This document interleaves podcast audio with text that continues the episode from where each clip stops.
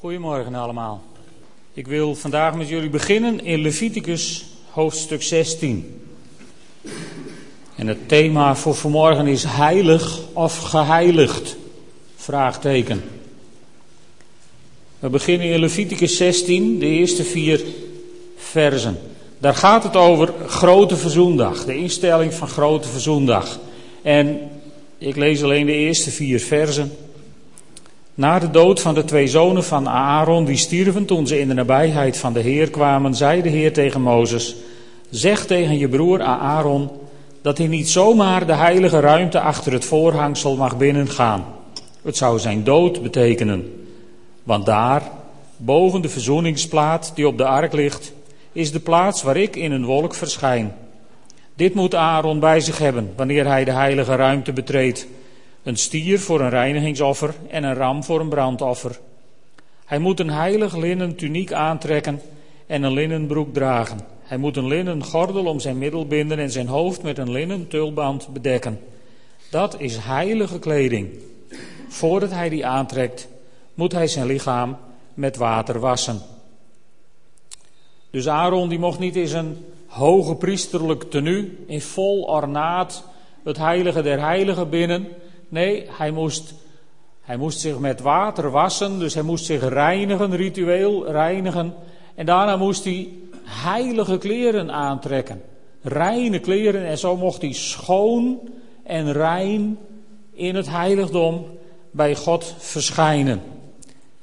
En ik weet niet of het u ook opvalt, maar het steekt kennelijk heel nauw zo in Gods aanwezigheid verschijnen. Want zo'n hoge priester, die kreeg dan eh, in latere tijden een touw om zijn enkel gebonden.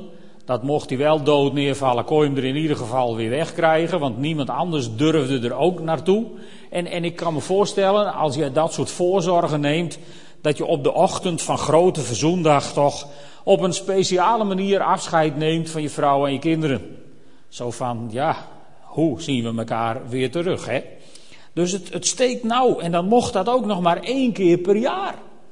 Zo, dat heilige der heiligen binnen.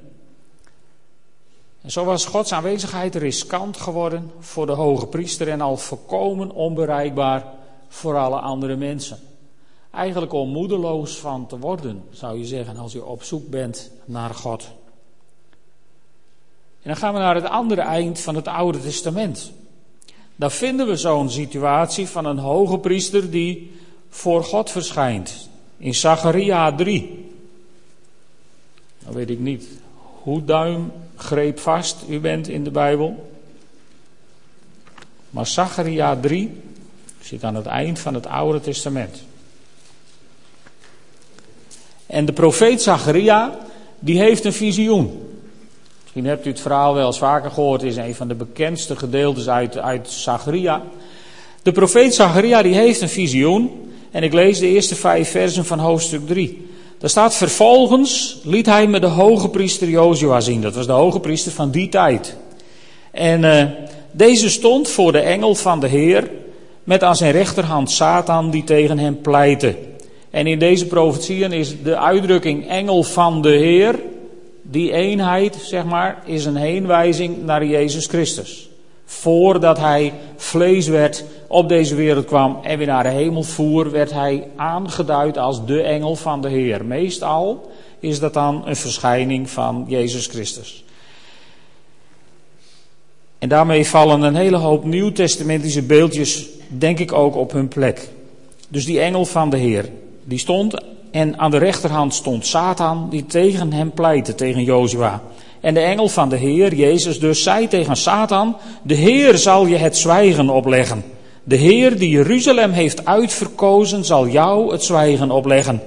Is deze Jozua niet een stuk zwart geblakerd hout, dat uit het vuur is weggerukt? Met andere woorden, kennelijk is hij gered van voor de poorten van de hel. Hij is al zwart aangeslagen, zou je zeggen.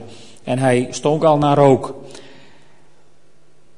En dan staat er in vers 3, nu was Jozua in vuile kleren voor de engel verschenen. Als we teruggaan naar Leviticus 16, had dat zijn acute dood moeten betekenen. Maar dan zegt God, die zegt tegen degenen die voor Jozua stonden, trek hem die vuile kleren uit. En tegen Jozua zei hij: Hierbij reinig ik je van alle schuld en kleed ik je in een feestelijk gewaad. Ik zei, Zacharia dus, ze zouden hem een nieuwe tulband moeten omdoen. Ze deden hem een nieuwe tulband om en kleden hem aan in het bijzijn van de engel van de Heere. Hier zijn we dus vele jaren later dan Leviticus 16 aangeland. En je zou kunnen zeggen, ja, mooi verhaal, maar dit is slechts een visioen. Dat zou kunnen, maar het is een visioen wat ons wel heel veel, heel veel laat zien van hoe het, hoe het zou kunnen zijn. En we zien hier een hoge priester voor God verschijnen die absoluut niet aan de eisen voldoet. Zwart geblakerd, smerig, vuil staat hij voor de Here. En, en, en wat we dan zien hier is het beeld van, van wat we eigenlijk ook kennen uit onze eindtijdverwachtingen. Hè? Als we in het oordeel voor God staan, dan zal de Satan daar zijn als de aanklager van de broeders en de zusters. Zusters, maak u geen illusies. En, en, en aan de andere kant zal Jezus staan als degene die voor ons pleit. En dan, dan vallen je een aantal dingen op.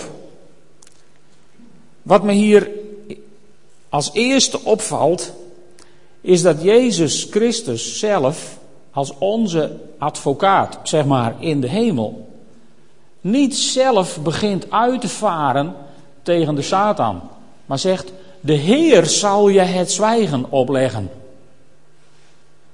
En ik heb er van de week eens een paar keer naar gekeken en gedacht van, van wat, hoor, wat horen we niet makkelijk, christenen, en, en soms doe je dat zelf misschien ook wel eens.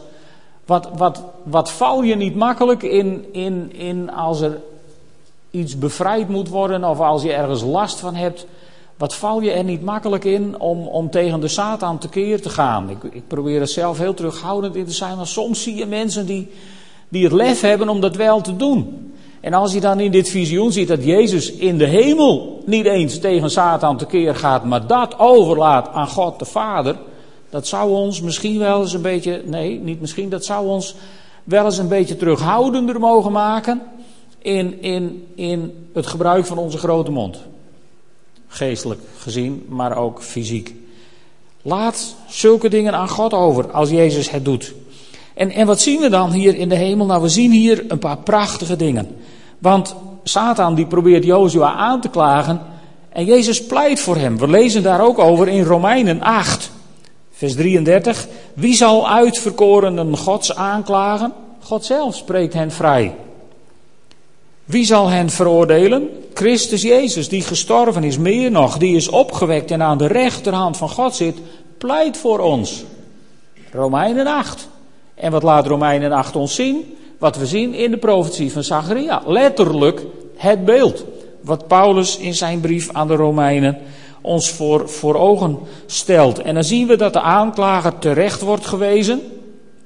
En het lijkt erop dat ook de Vader zo beïnvloed is door die aanwezigheid van Jezus Christus, dat er geen vuur vanuit de troon van God komt en Jozua zeg maar verteert.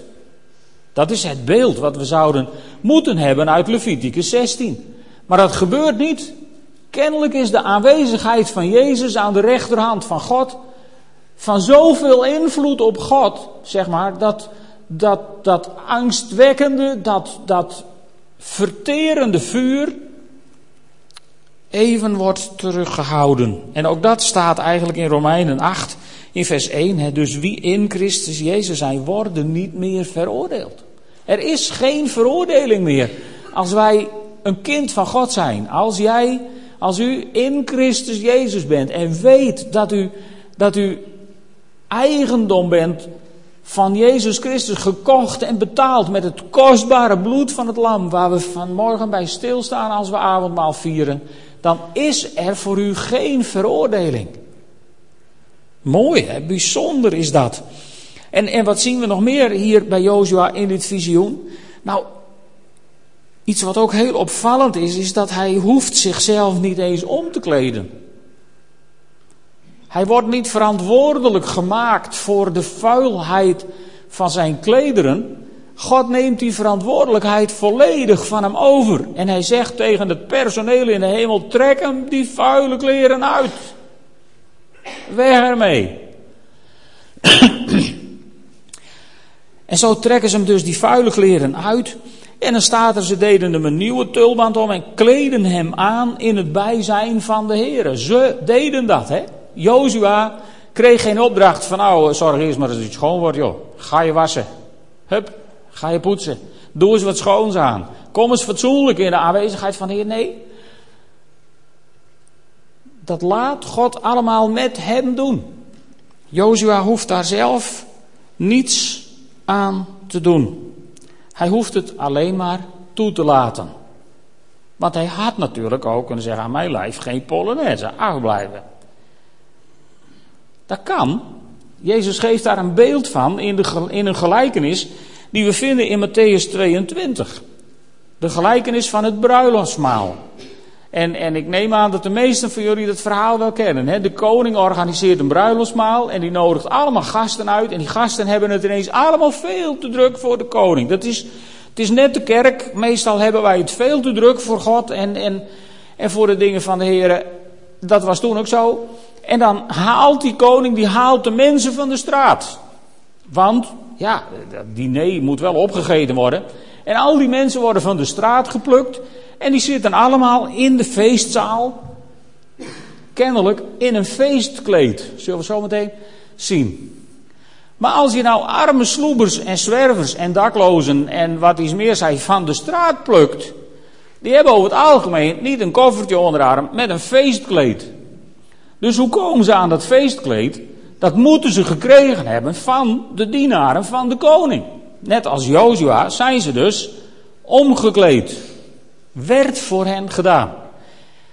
Alleen er was één bij, die had wel die instelling van, uh, uh, uh, aan mijn lijf geen Polonaise. Ik, de koning moet mij maar nemen zoals ik ben. En dan komt de koning binnen, vers 12 van Matthäus 22. En die zegt, vriend, hoe ben je hier binnengekomen, terwijl je niet eens een bruiloftskleed aan hebt? En dan staat er, en de man wist niks meer te zeggen. Toen was het niet meer van u me maar nemen zoals ik ben of zo. Nee, niks van dat alles. En we zien ook dat de koning hem niet neemt zoals hij is, maar dat hij hem buiten laat werpen in de buitenste duisternis waar geween is en tandengeknars. Omdat hij niet wilde. En weet je, dat is, dat is het geheim van, van onze redding, van onze ja, heiligmaking zou ik willen zeggen. Je hoeft het niet te kunnen, want dan is 100% van deze wereldbevolking volslagen kansloos. Je moet het alleen maar willen. En als je ja zegt tegen God, als je, als je voor God verschijnt in het bewustzijn, zoals Jozua ook vast bewust is geweest, als hoge priester kende Jozua de regeltjes. En ik denk dat hij met knikkende knieën in zijn vuile kloffie voor God is verschenen en gedacht heeft van nou dit gaat niet goed komen. En tot zijn grote verbijstering kwam het wel helemaal goed en kreeg hij schone kleren aan.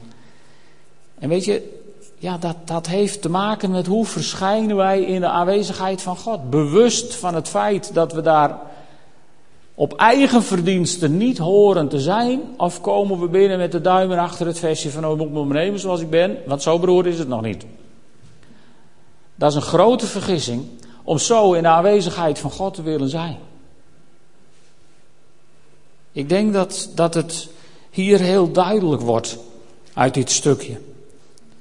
Uit die gelijkenis. Want deze man, die niet dat kleed aan had, wat hij niet zelf hoefde te kopen, wat hij niet zelf hoefde aan te trekken, waar hij niks moeilijks voor hoefde te doen, hij hoefde het alleen maar toe te staan dat hij in een prachtig bruiloftskleed werd gekleed. En als hij dat had toegelaten, dan had hij net zo'n mooi feest gehad dan al die anderen. Even terug naar ons visioen. Want dan zegt Zacharias, ze zouden hem ook een nieuwe tulband moeten omdoen. En dan staat er, en ze deden hem een nieuwe tulband om. En, en waarom is het zo belangrijk dat hij daar apart wordt genoemd? Nou, ik denk dat het het sleutelvers misschien wel is. Als je even teruggaat naar, naar wat ik zo net zei.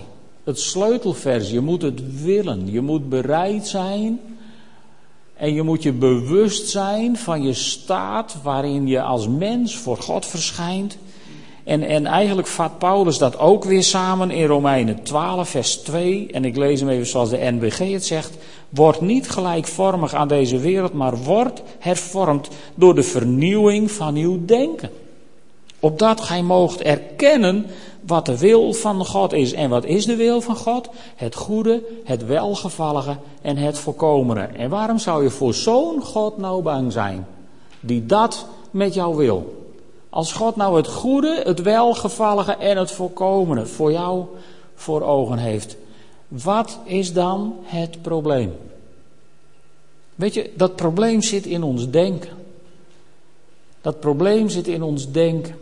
Misschien kom je uit, uit hele strenge reformatorische tradities waar je, waar je heel veel hebt geleerd over die, die, die heilige God die een verterend vuur is. Ik, ik herinner me dat ik vroeger als kind wel eens uit de kerk ben gekomen naar zo'n soort preek. En dat ik dacht, van, nou je kunt ook net zo goed heiden worden, want dit is toch onbegonnen werk. Dit haalt nooit de mens. Maar misschien kom je ook wel uit, uit, uh, misschien kom je ook wel uit, uh, uit, uit uh, echte pinksterkringen. Ik heb dat meegemaakt in de tijd dat wij jeugdleider waren. Dat sommige jongeren thuis altijd om de oren kregen en geigen heel anders. Nou, dat is eigenlijk precies hetzelfde natuurlijk. Hè? Want dan krijg je ook die indruk van ik, ik haal nooit en never niet de norm. Want de lat van God ligt zo hoog.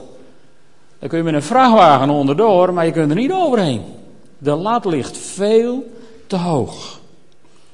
En ik wil jullie vanmorgen zeggen: de lat van God ligt niet zo hoog.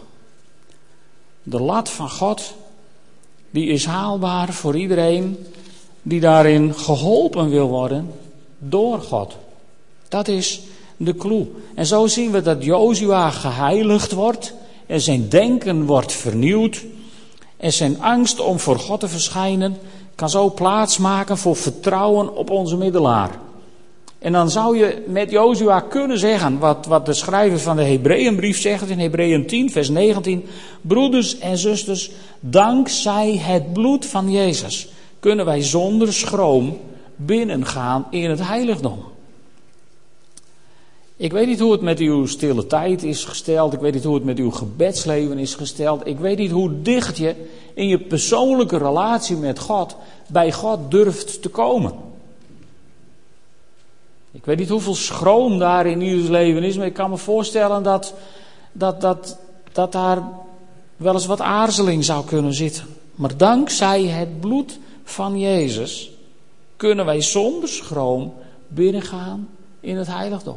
Eigenlijk kun je elke, elke moment van de dag, elk moment van je leven, zou je kunnen binnenhuppelen in het heiligdom bij God.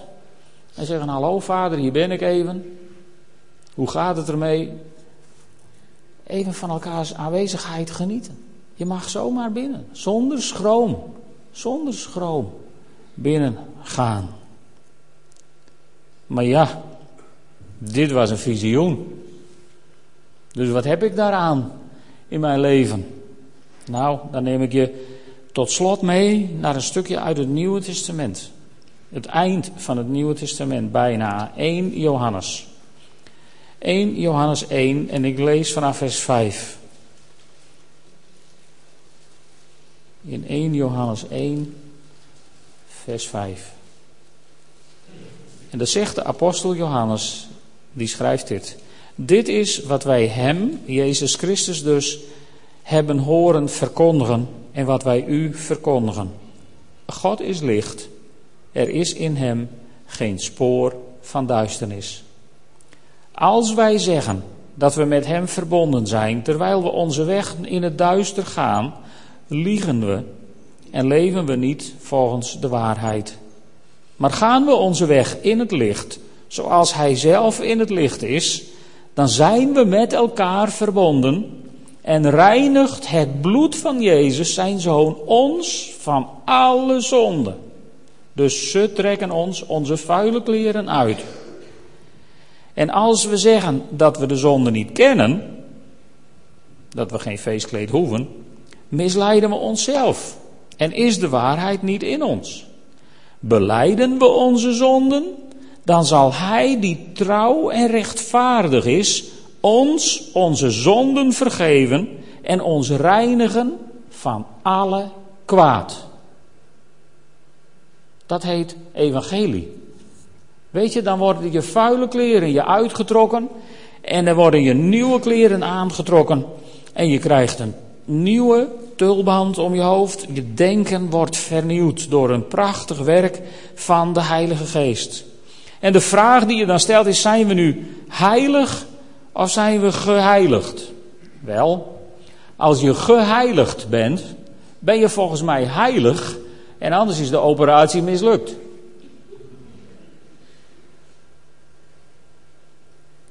Als je geheiligd bent, ben je heilig en anders is de operatie mislukt. En dit is een hele belangrijke bepaling voor het kennen van onze identiteit in Christus. Weet je, veel gelovigen beweren nog steeds dat ze, dat ze verloste zondaars zijn. Weliswaar verlost, maar desalniettemin zondaars. En wat is de core business van een zondaar? Zondigen. Ik leen dit even van Neil Anderson. Ik ben een boek van Neil Anderson aan het lezen. En is een aanrader, absoluut. Dus dan zijn we verloste zondaars. Zijn we dat eigenlijk? Volgens mij zijn we geen zondaars meer, maar we waren ooit zondaars. Voordat we ons leven aan Jezus Christus gaven. En toen heeft, toen heeft God tegen ons gezegd: Nu is het oude voorbij, het nieuwe is gekomen. Dus we zijn geen verloste, zeg maar, opgeknapte, opgelapte, gerestaureerde, gereviseerde zondaars. Nee, we zijn nieuw, een nieuwe schepping. En wat zijn we in die nieuwe schepping? In die nieuwe schepping zijn we heilig. En God noemt ons dan in zijn woord ook in het Nieuwe Testament heiligen. En de apostelen die schrijven hun brieven aan de heiligen in de gemeente. Dat betekent niet dat ze er allemaal uitzagen als Sinterklaas, maar heiligen, dat zat van binnen. Heiligen worden wij genoemd. We zijn dus heiligen, zegt Neil Anderson, die af en toe zondigen. Want we zijn nog niet volmaakt. Daarvoor moeten we wachten tot de Heer terugkomt. Maar we zijn wel heiligen, die af en toe zondigen. En als we dan zondigen, dan mogen we dit weten: dat als we onze zonden beleiden, dan zal Hij die trouw en rechtvaardig is ons onze zonden vergeven en ons reinigen van alle kwaad. En dan zijn we weer schoon. Heiligen. En wat is de core business van heiligen? De core business van heiligen is God aanbidden. Is dat jouw core business? Is dat het belangrijkste van uw leven? God aanbidden? God aanbidden in de samenkomst, maar ook in uw persoonlijke leven, in de manier waarop u thuis in het leven staat, in uw carrière, in uw gezin, in, in bedenk het maar, vul maar in waar je staat en wat je doet. Is God aanbidden daar de hoofdmoot van uw bestaan? Want dat is de core business van heiligen. En dat doen we af en toe best wel eens fout. Daarin maken we fouten, we zondigen af en toe. En de Satan die zal ons hierop willen aanklagen. Dat doet hij ook. Met schuldgevoelens. En dan ga je je rot voelen. Hè? Dat is de tactiek van de Satan. Hij verleidt je eerst om iets verkeerds te doen. En daarna gaat hij ineens aan de andere kant staan en zegt: oh, oh, oh, heb jij dat gedaan? En dan ga je je schuldig voelen en beroerd. En weet je, schuldig voelen en je er beroerd over voelen is iets anders dan berouw. Zelfs spijt hebben van de bekeuring die je erdoor hebt gekregen is wat anders dan berouw. Berouw is het bewustzijn dat je, dat je zo niet in het heiligdom van God kunt verschijnen. Berouw is je zonde beleiden en zeggen: Heer, dat heb ik hartstikke fout gedaan, vergeef me. En op dat moment krijg je weer schone kleren aan. Weer een schone tulband op je hoofd. Weer wordt er in je denken iets gedaan. Is dat niet geweldig? Satan zal je willen aanklagen. Maar Jezus wil hem het zwijgen opleggen. En als de Satan je aanklaagt, mag je zelf Satan ook het zwijgen opleggen. Alleen, even terug naar wat ik in het begin zei. Ik, ik zou niet te veel aandacht aan Satan besteed willen hebben. Dat is hij niet waard. En bovendien is, is het een, vertegenwoordigt hij een macht ja, waar wij niet voor zijn ingericht, volgens mij. Daar is, is, eh, daar is God op ingericht om daarmee om te gaan en niet wij. Maar hoe kun je dan toch van die aanklacht afraken? Wel, je kunt elke leugen uit het rijk van de duisternis confronteren met de waarheid uit het woord van God. Daarom hebben we zo'n dik woord van God gekregen. Er staan zoveel woorden in. Er is op elke leugen van Satan zijn er wel honderd teksten te vinden om de leugen met de waarheid te confronteren. Daarom is het ook zo belangrijk voor ons als gelovigen dat we, dat we bezig zijn met dat woord van God. Hè? Dat we daar tijd voor nemen om daarin te lezen, om ermee bezig te zijn, om er met andere broeders en zusters over te praten, zodat we, zodat we die confronterende waarheden ook als parate kennis bij ons hebben. Daarmee kun je op elke leugen uit het rijk van de duisternis een antwoord geven. Leugen confronteer je met waarheid. Aan duisternis maak je een eind door het licht aan te doen. Je kunt een heel groot zwaard nemen en proberen de duisternis nachts in stukken te hakken en je zult merken dat het niets uithaalt. Maar doe je één klein lampje aan, een kaarsje, een lucifers even desnoods, zul je zien dat je in de hele ruimte waar je bent ineens kunt kijken. Duisternis versla je met licht, leugen versla je met waarheid. Alleen, dan moet je niet bijbelteksten gaan citeren tegen gevoelens van dat je iets verkeerd hebt gedaan om je zonde weg te moffelen. Maar omdat je in Jezus Christus een redder hebt die je zonde vergeeft en je reinigt van alle kwaad. Zo is het bij Jezus een rivier van genade. Iemand vroeg me naar het liedje 642 uit opwekking, hè, waar, waar, waar dat je met je zonde bij de rivier komt en dat daar allemaal achterlaat. Wat betekent dat nou? Nou, ik denk, we zingen het vaak als dooplied. Het is natuurlijk ook een prachtig dooplied. Maar ja, je wordt maar één keer in je leven gedoopt. En dan zou je dat lied uit het boek moeten scheuren. Dat is wat zonde. Maar volgens mij moet je, moet je de genade van God zien als een rivier van genade. Waar je, waar je elke dag weer mag komen. Zo'n stroom van levend water die je in openbaringen ook, ook terugvindt. Waar, waar Peter Bonhoff onlangs over gepreekt heeft. En bij die rivier van genade kun je al je schuld kwijt. Daar kun je je zonden kwijt. Daar kun je dat beroerde gevoel, omdat de aanklager je aanklaagt. En geloof nooit en ten nimmer dat dat iets is wat om welke reden dan ook tussen jouw oren zit. Het zit niet tussen jouw oren. Het is de leugenaar van den beginnen die je lastig valt met leugens. En die leugens die leg je af bij de rivier van genade van Jezus Christus. En daar word je rein en daar word je schoon. En daar word je weer op je heilige voeten gezet. En zal God tegen zeggen: Hé, hey jij bent heilig. Omdat ik je geheiligd heb, ben je heilig. Leer te leven als een heilige. Als een kind van God, gekocht en betaald met het kostbare bloed van het Lam Jezus Christus. Er is geen veroordeling voor jou als je in Christus Jezus bent. Elke aanklacht van de Satan is een leugen. Er is geen veroordeling als je in Christus Jezus bent. En daarom, dankzij het bloed van Jezus, kunnen we zonder schroom binnengaan in het heiligdom. Nogmaals, Hebreeën 10, vers 19. En zo wil ik u ook uitnodigen om deze morgen, als u een kind van God bent en Jezus Christus kent als uw persoonlijke verlosser en zaligmaker, om zonder schroom deel te nemen aan brood en wijn als we avondmaal met elkaar gaan vieren en de verlossing samen vieren. Wat gebeurt er als we avondmaal vieren? Dan staan we stil bij dat heilige moment waarop Jezus Christus zijn leven gaf aan het kruis op Golgotha. En, en toen hij zijn leven gaf aan het kruis op Golgotha, toen werd het voor eens en voor altijd geregeld dat als jij voor God verschijnt, dan kun je nog zo smerig zijn. Maar dan zal Jezus Satan het zwijgen opleggen. En God zal zorgen dat je je vuiligheid wordt uitgetrokken en dat je schone kleren aankrijgt.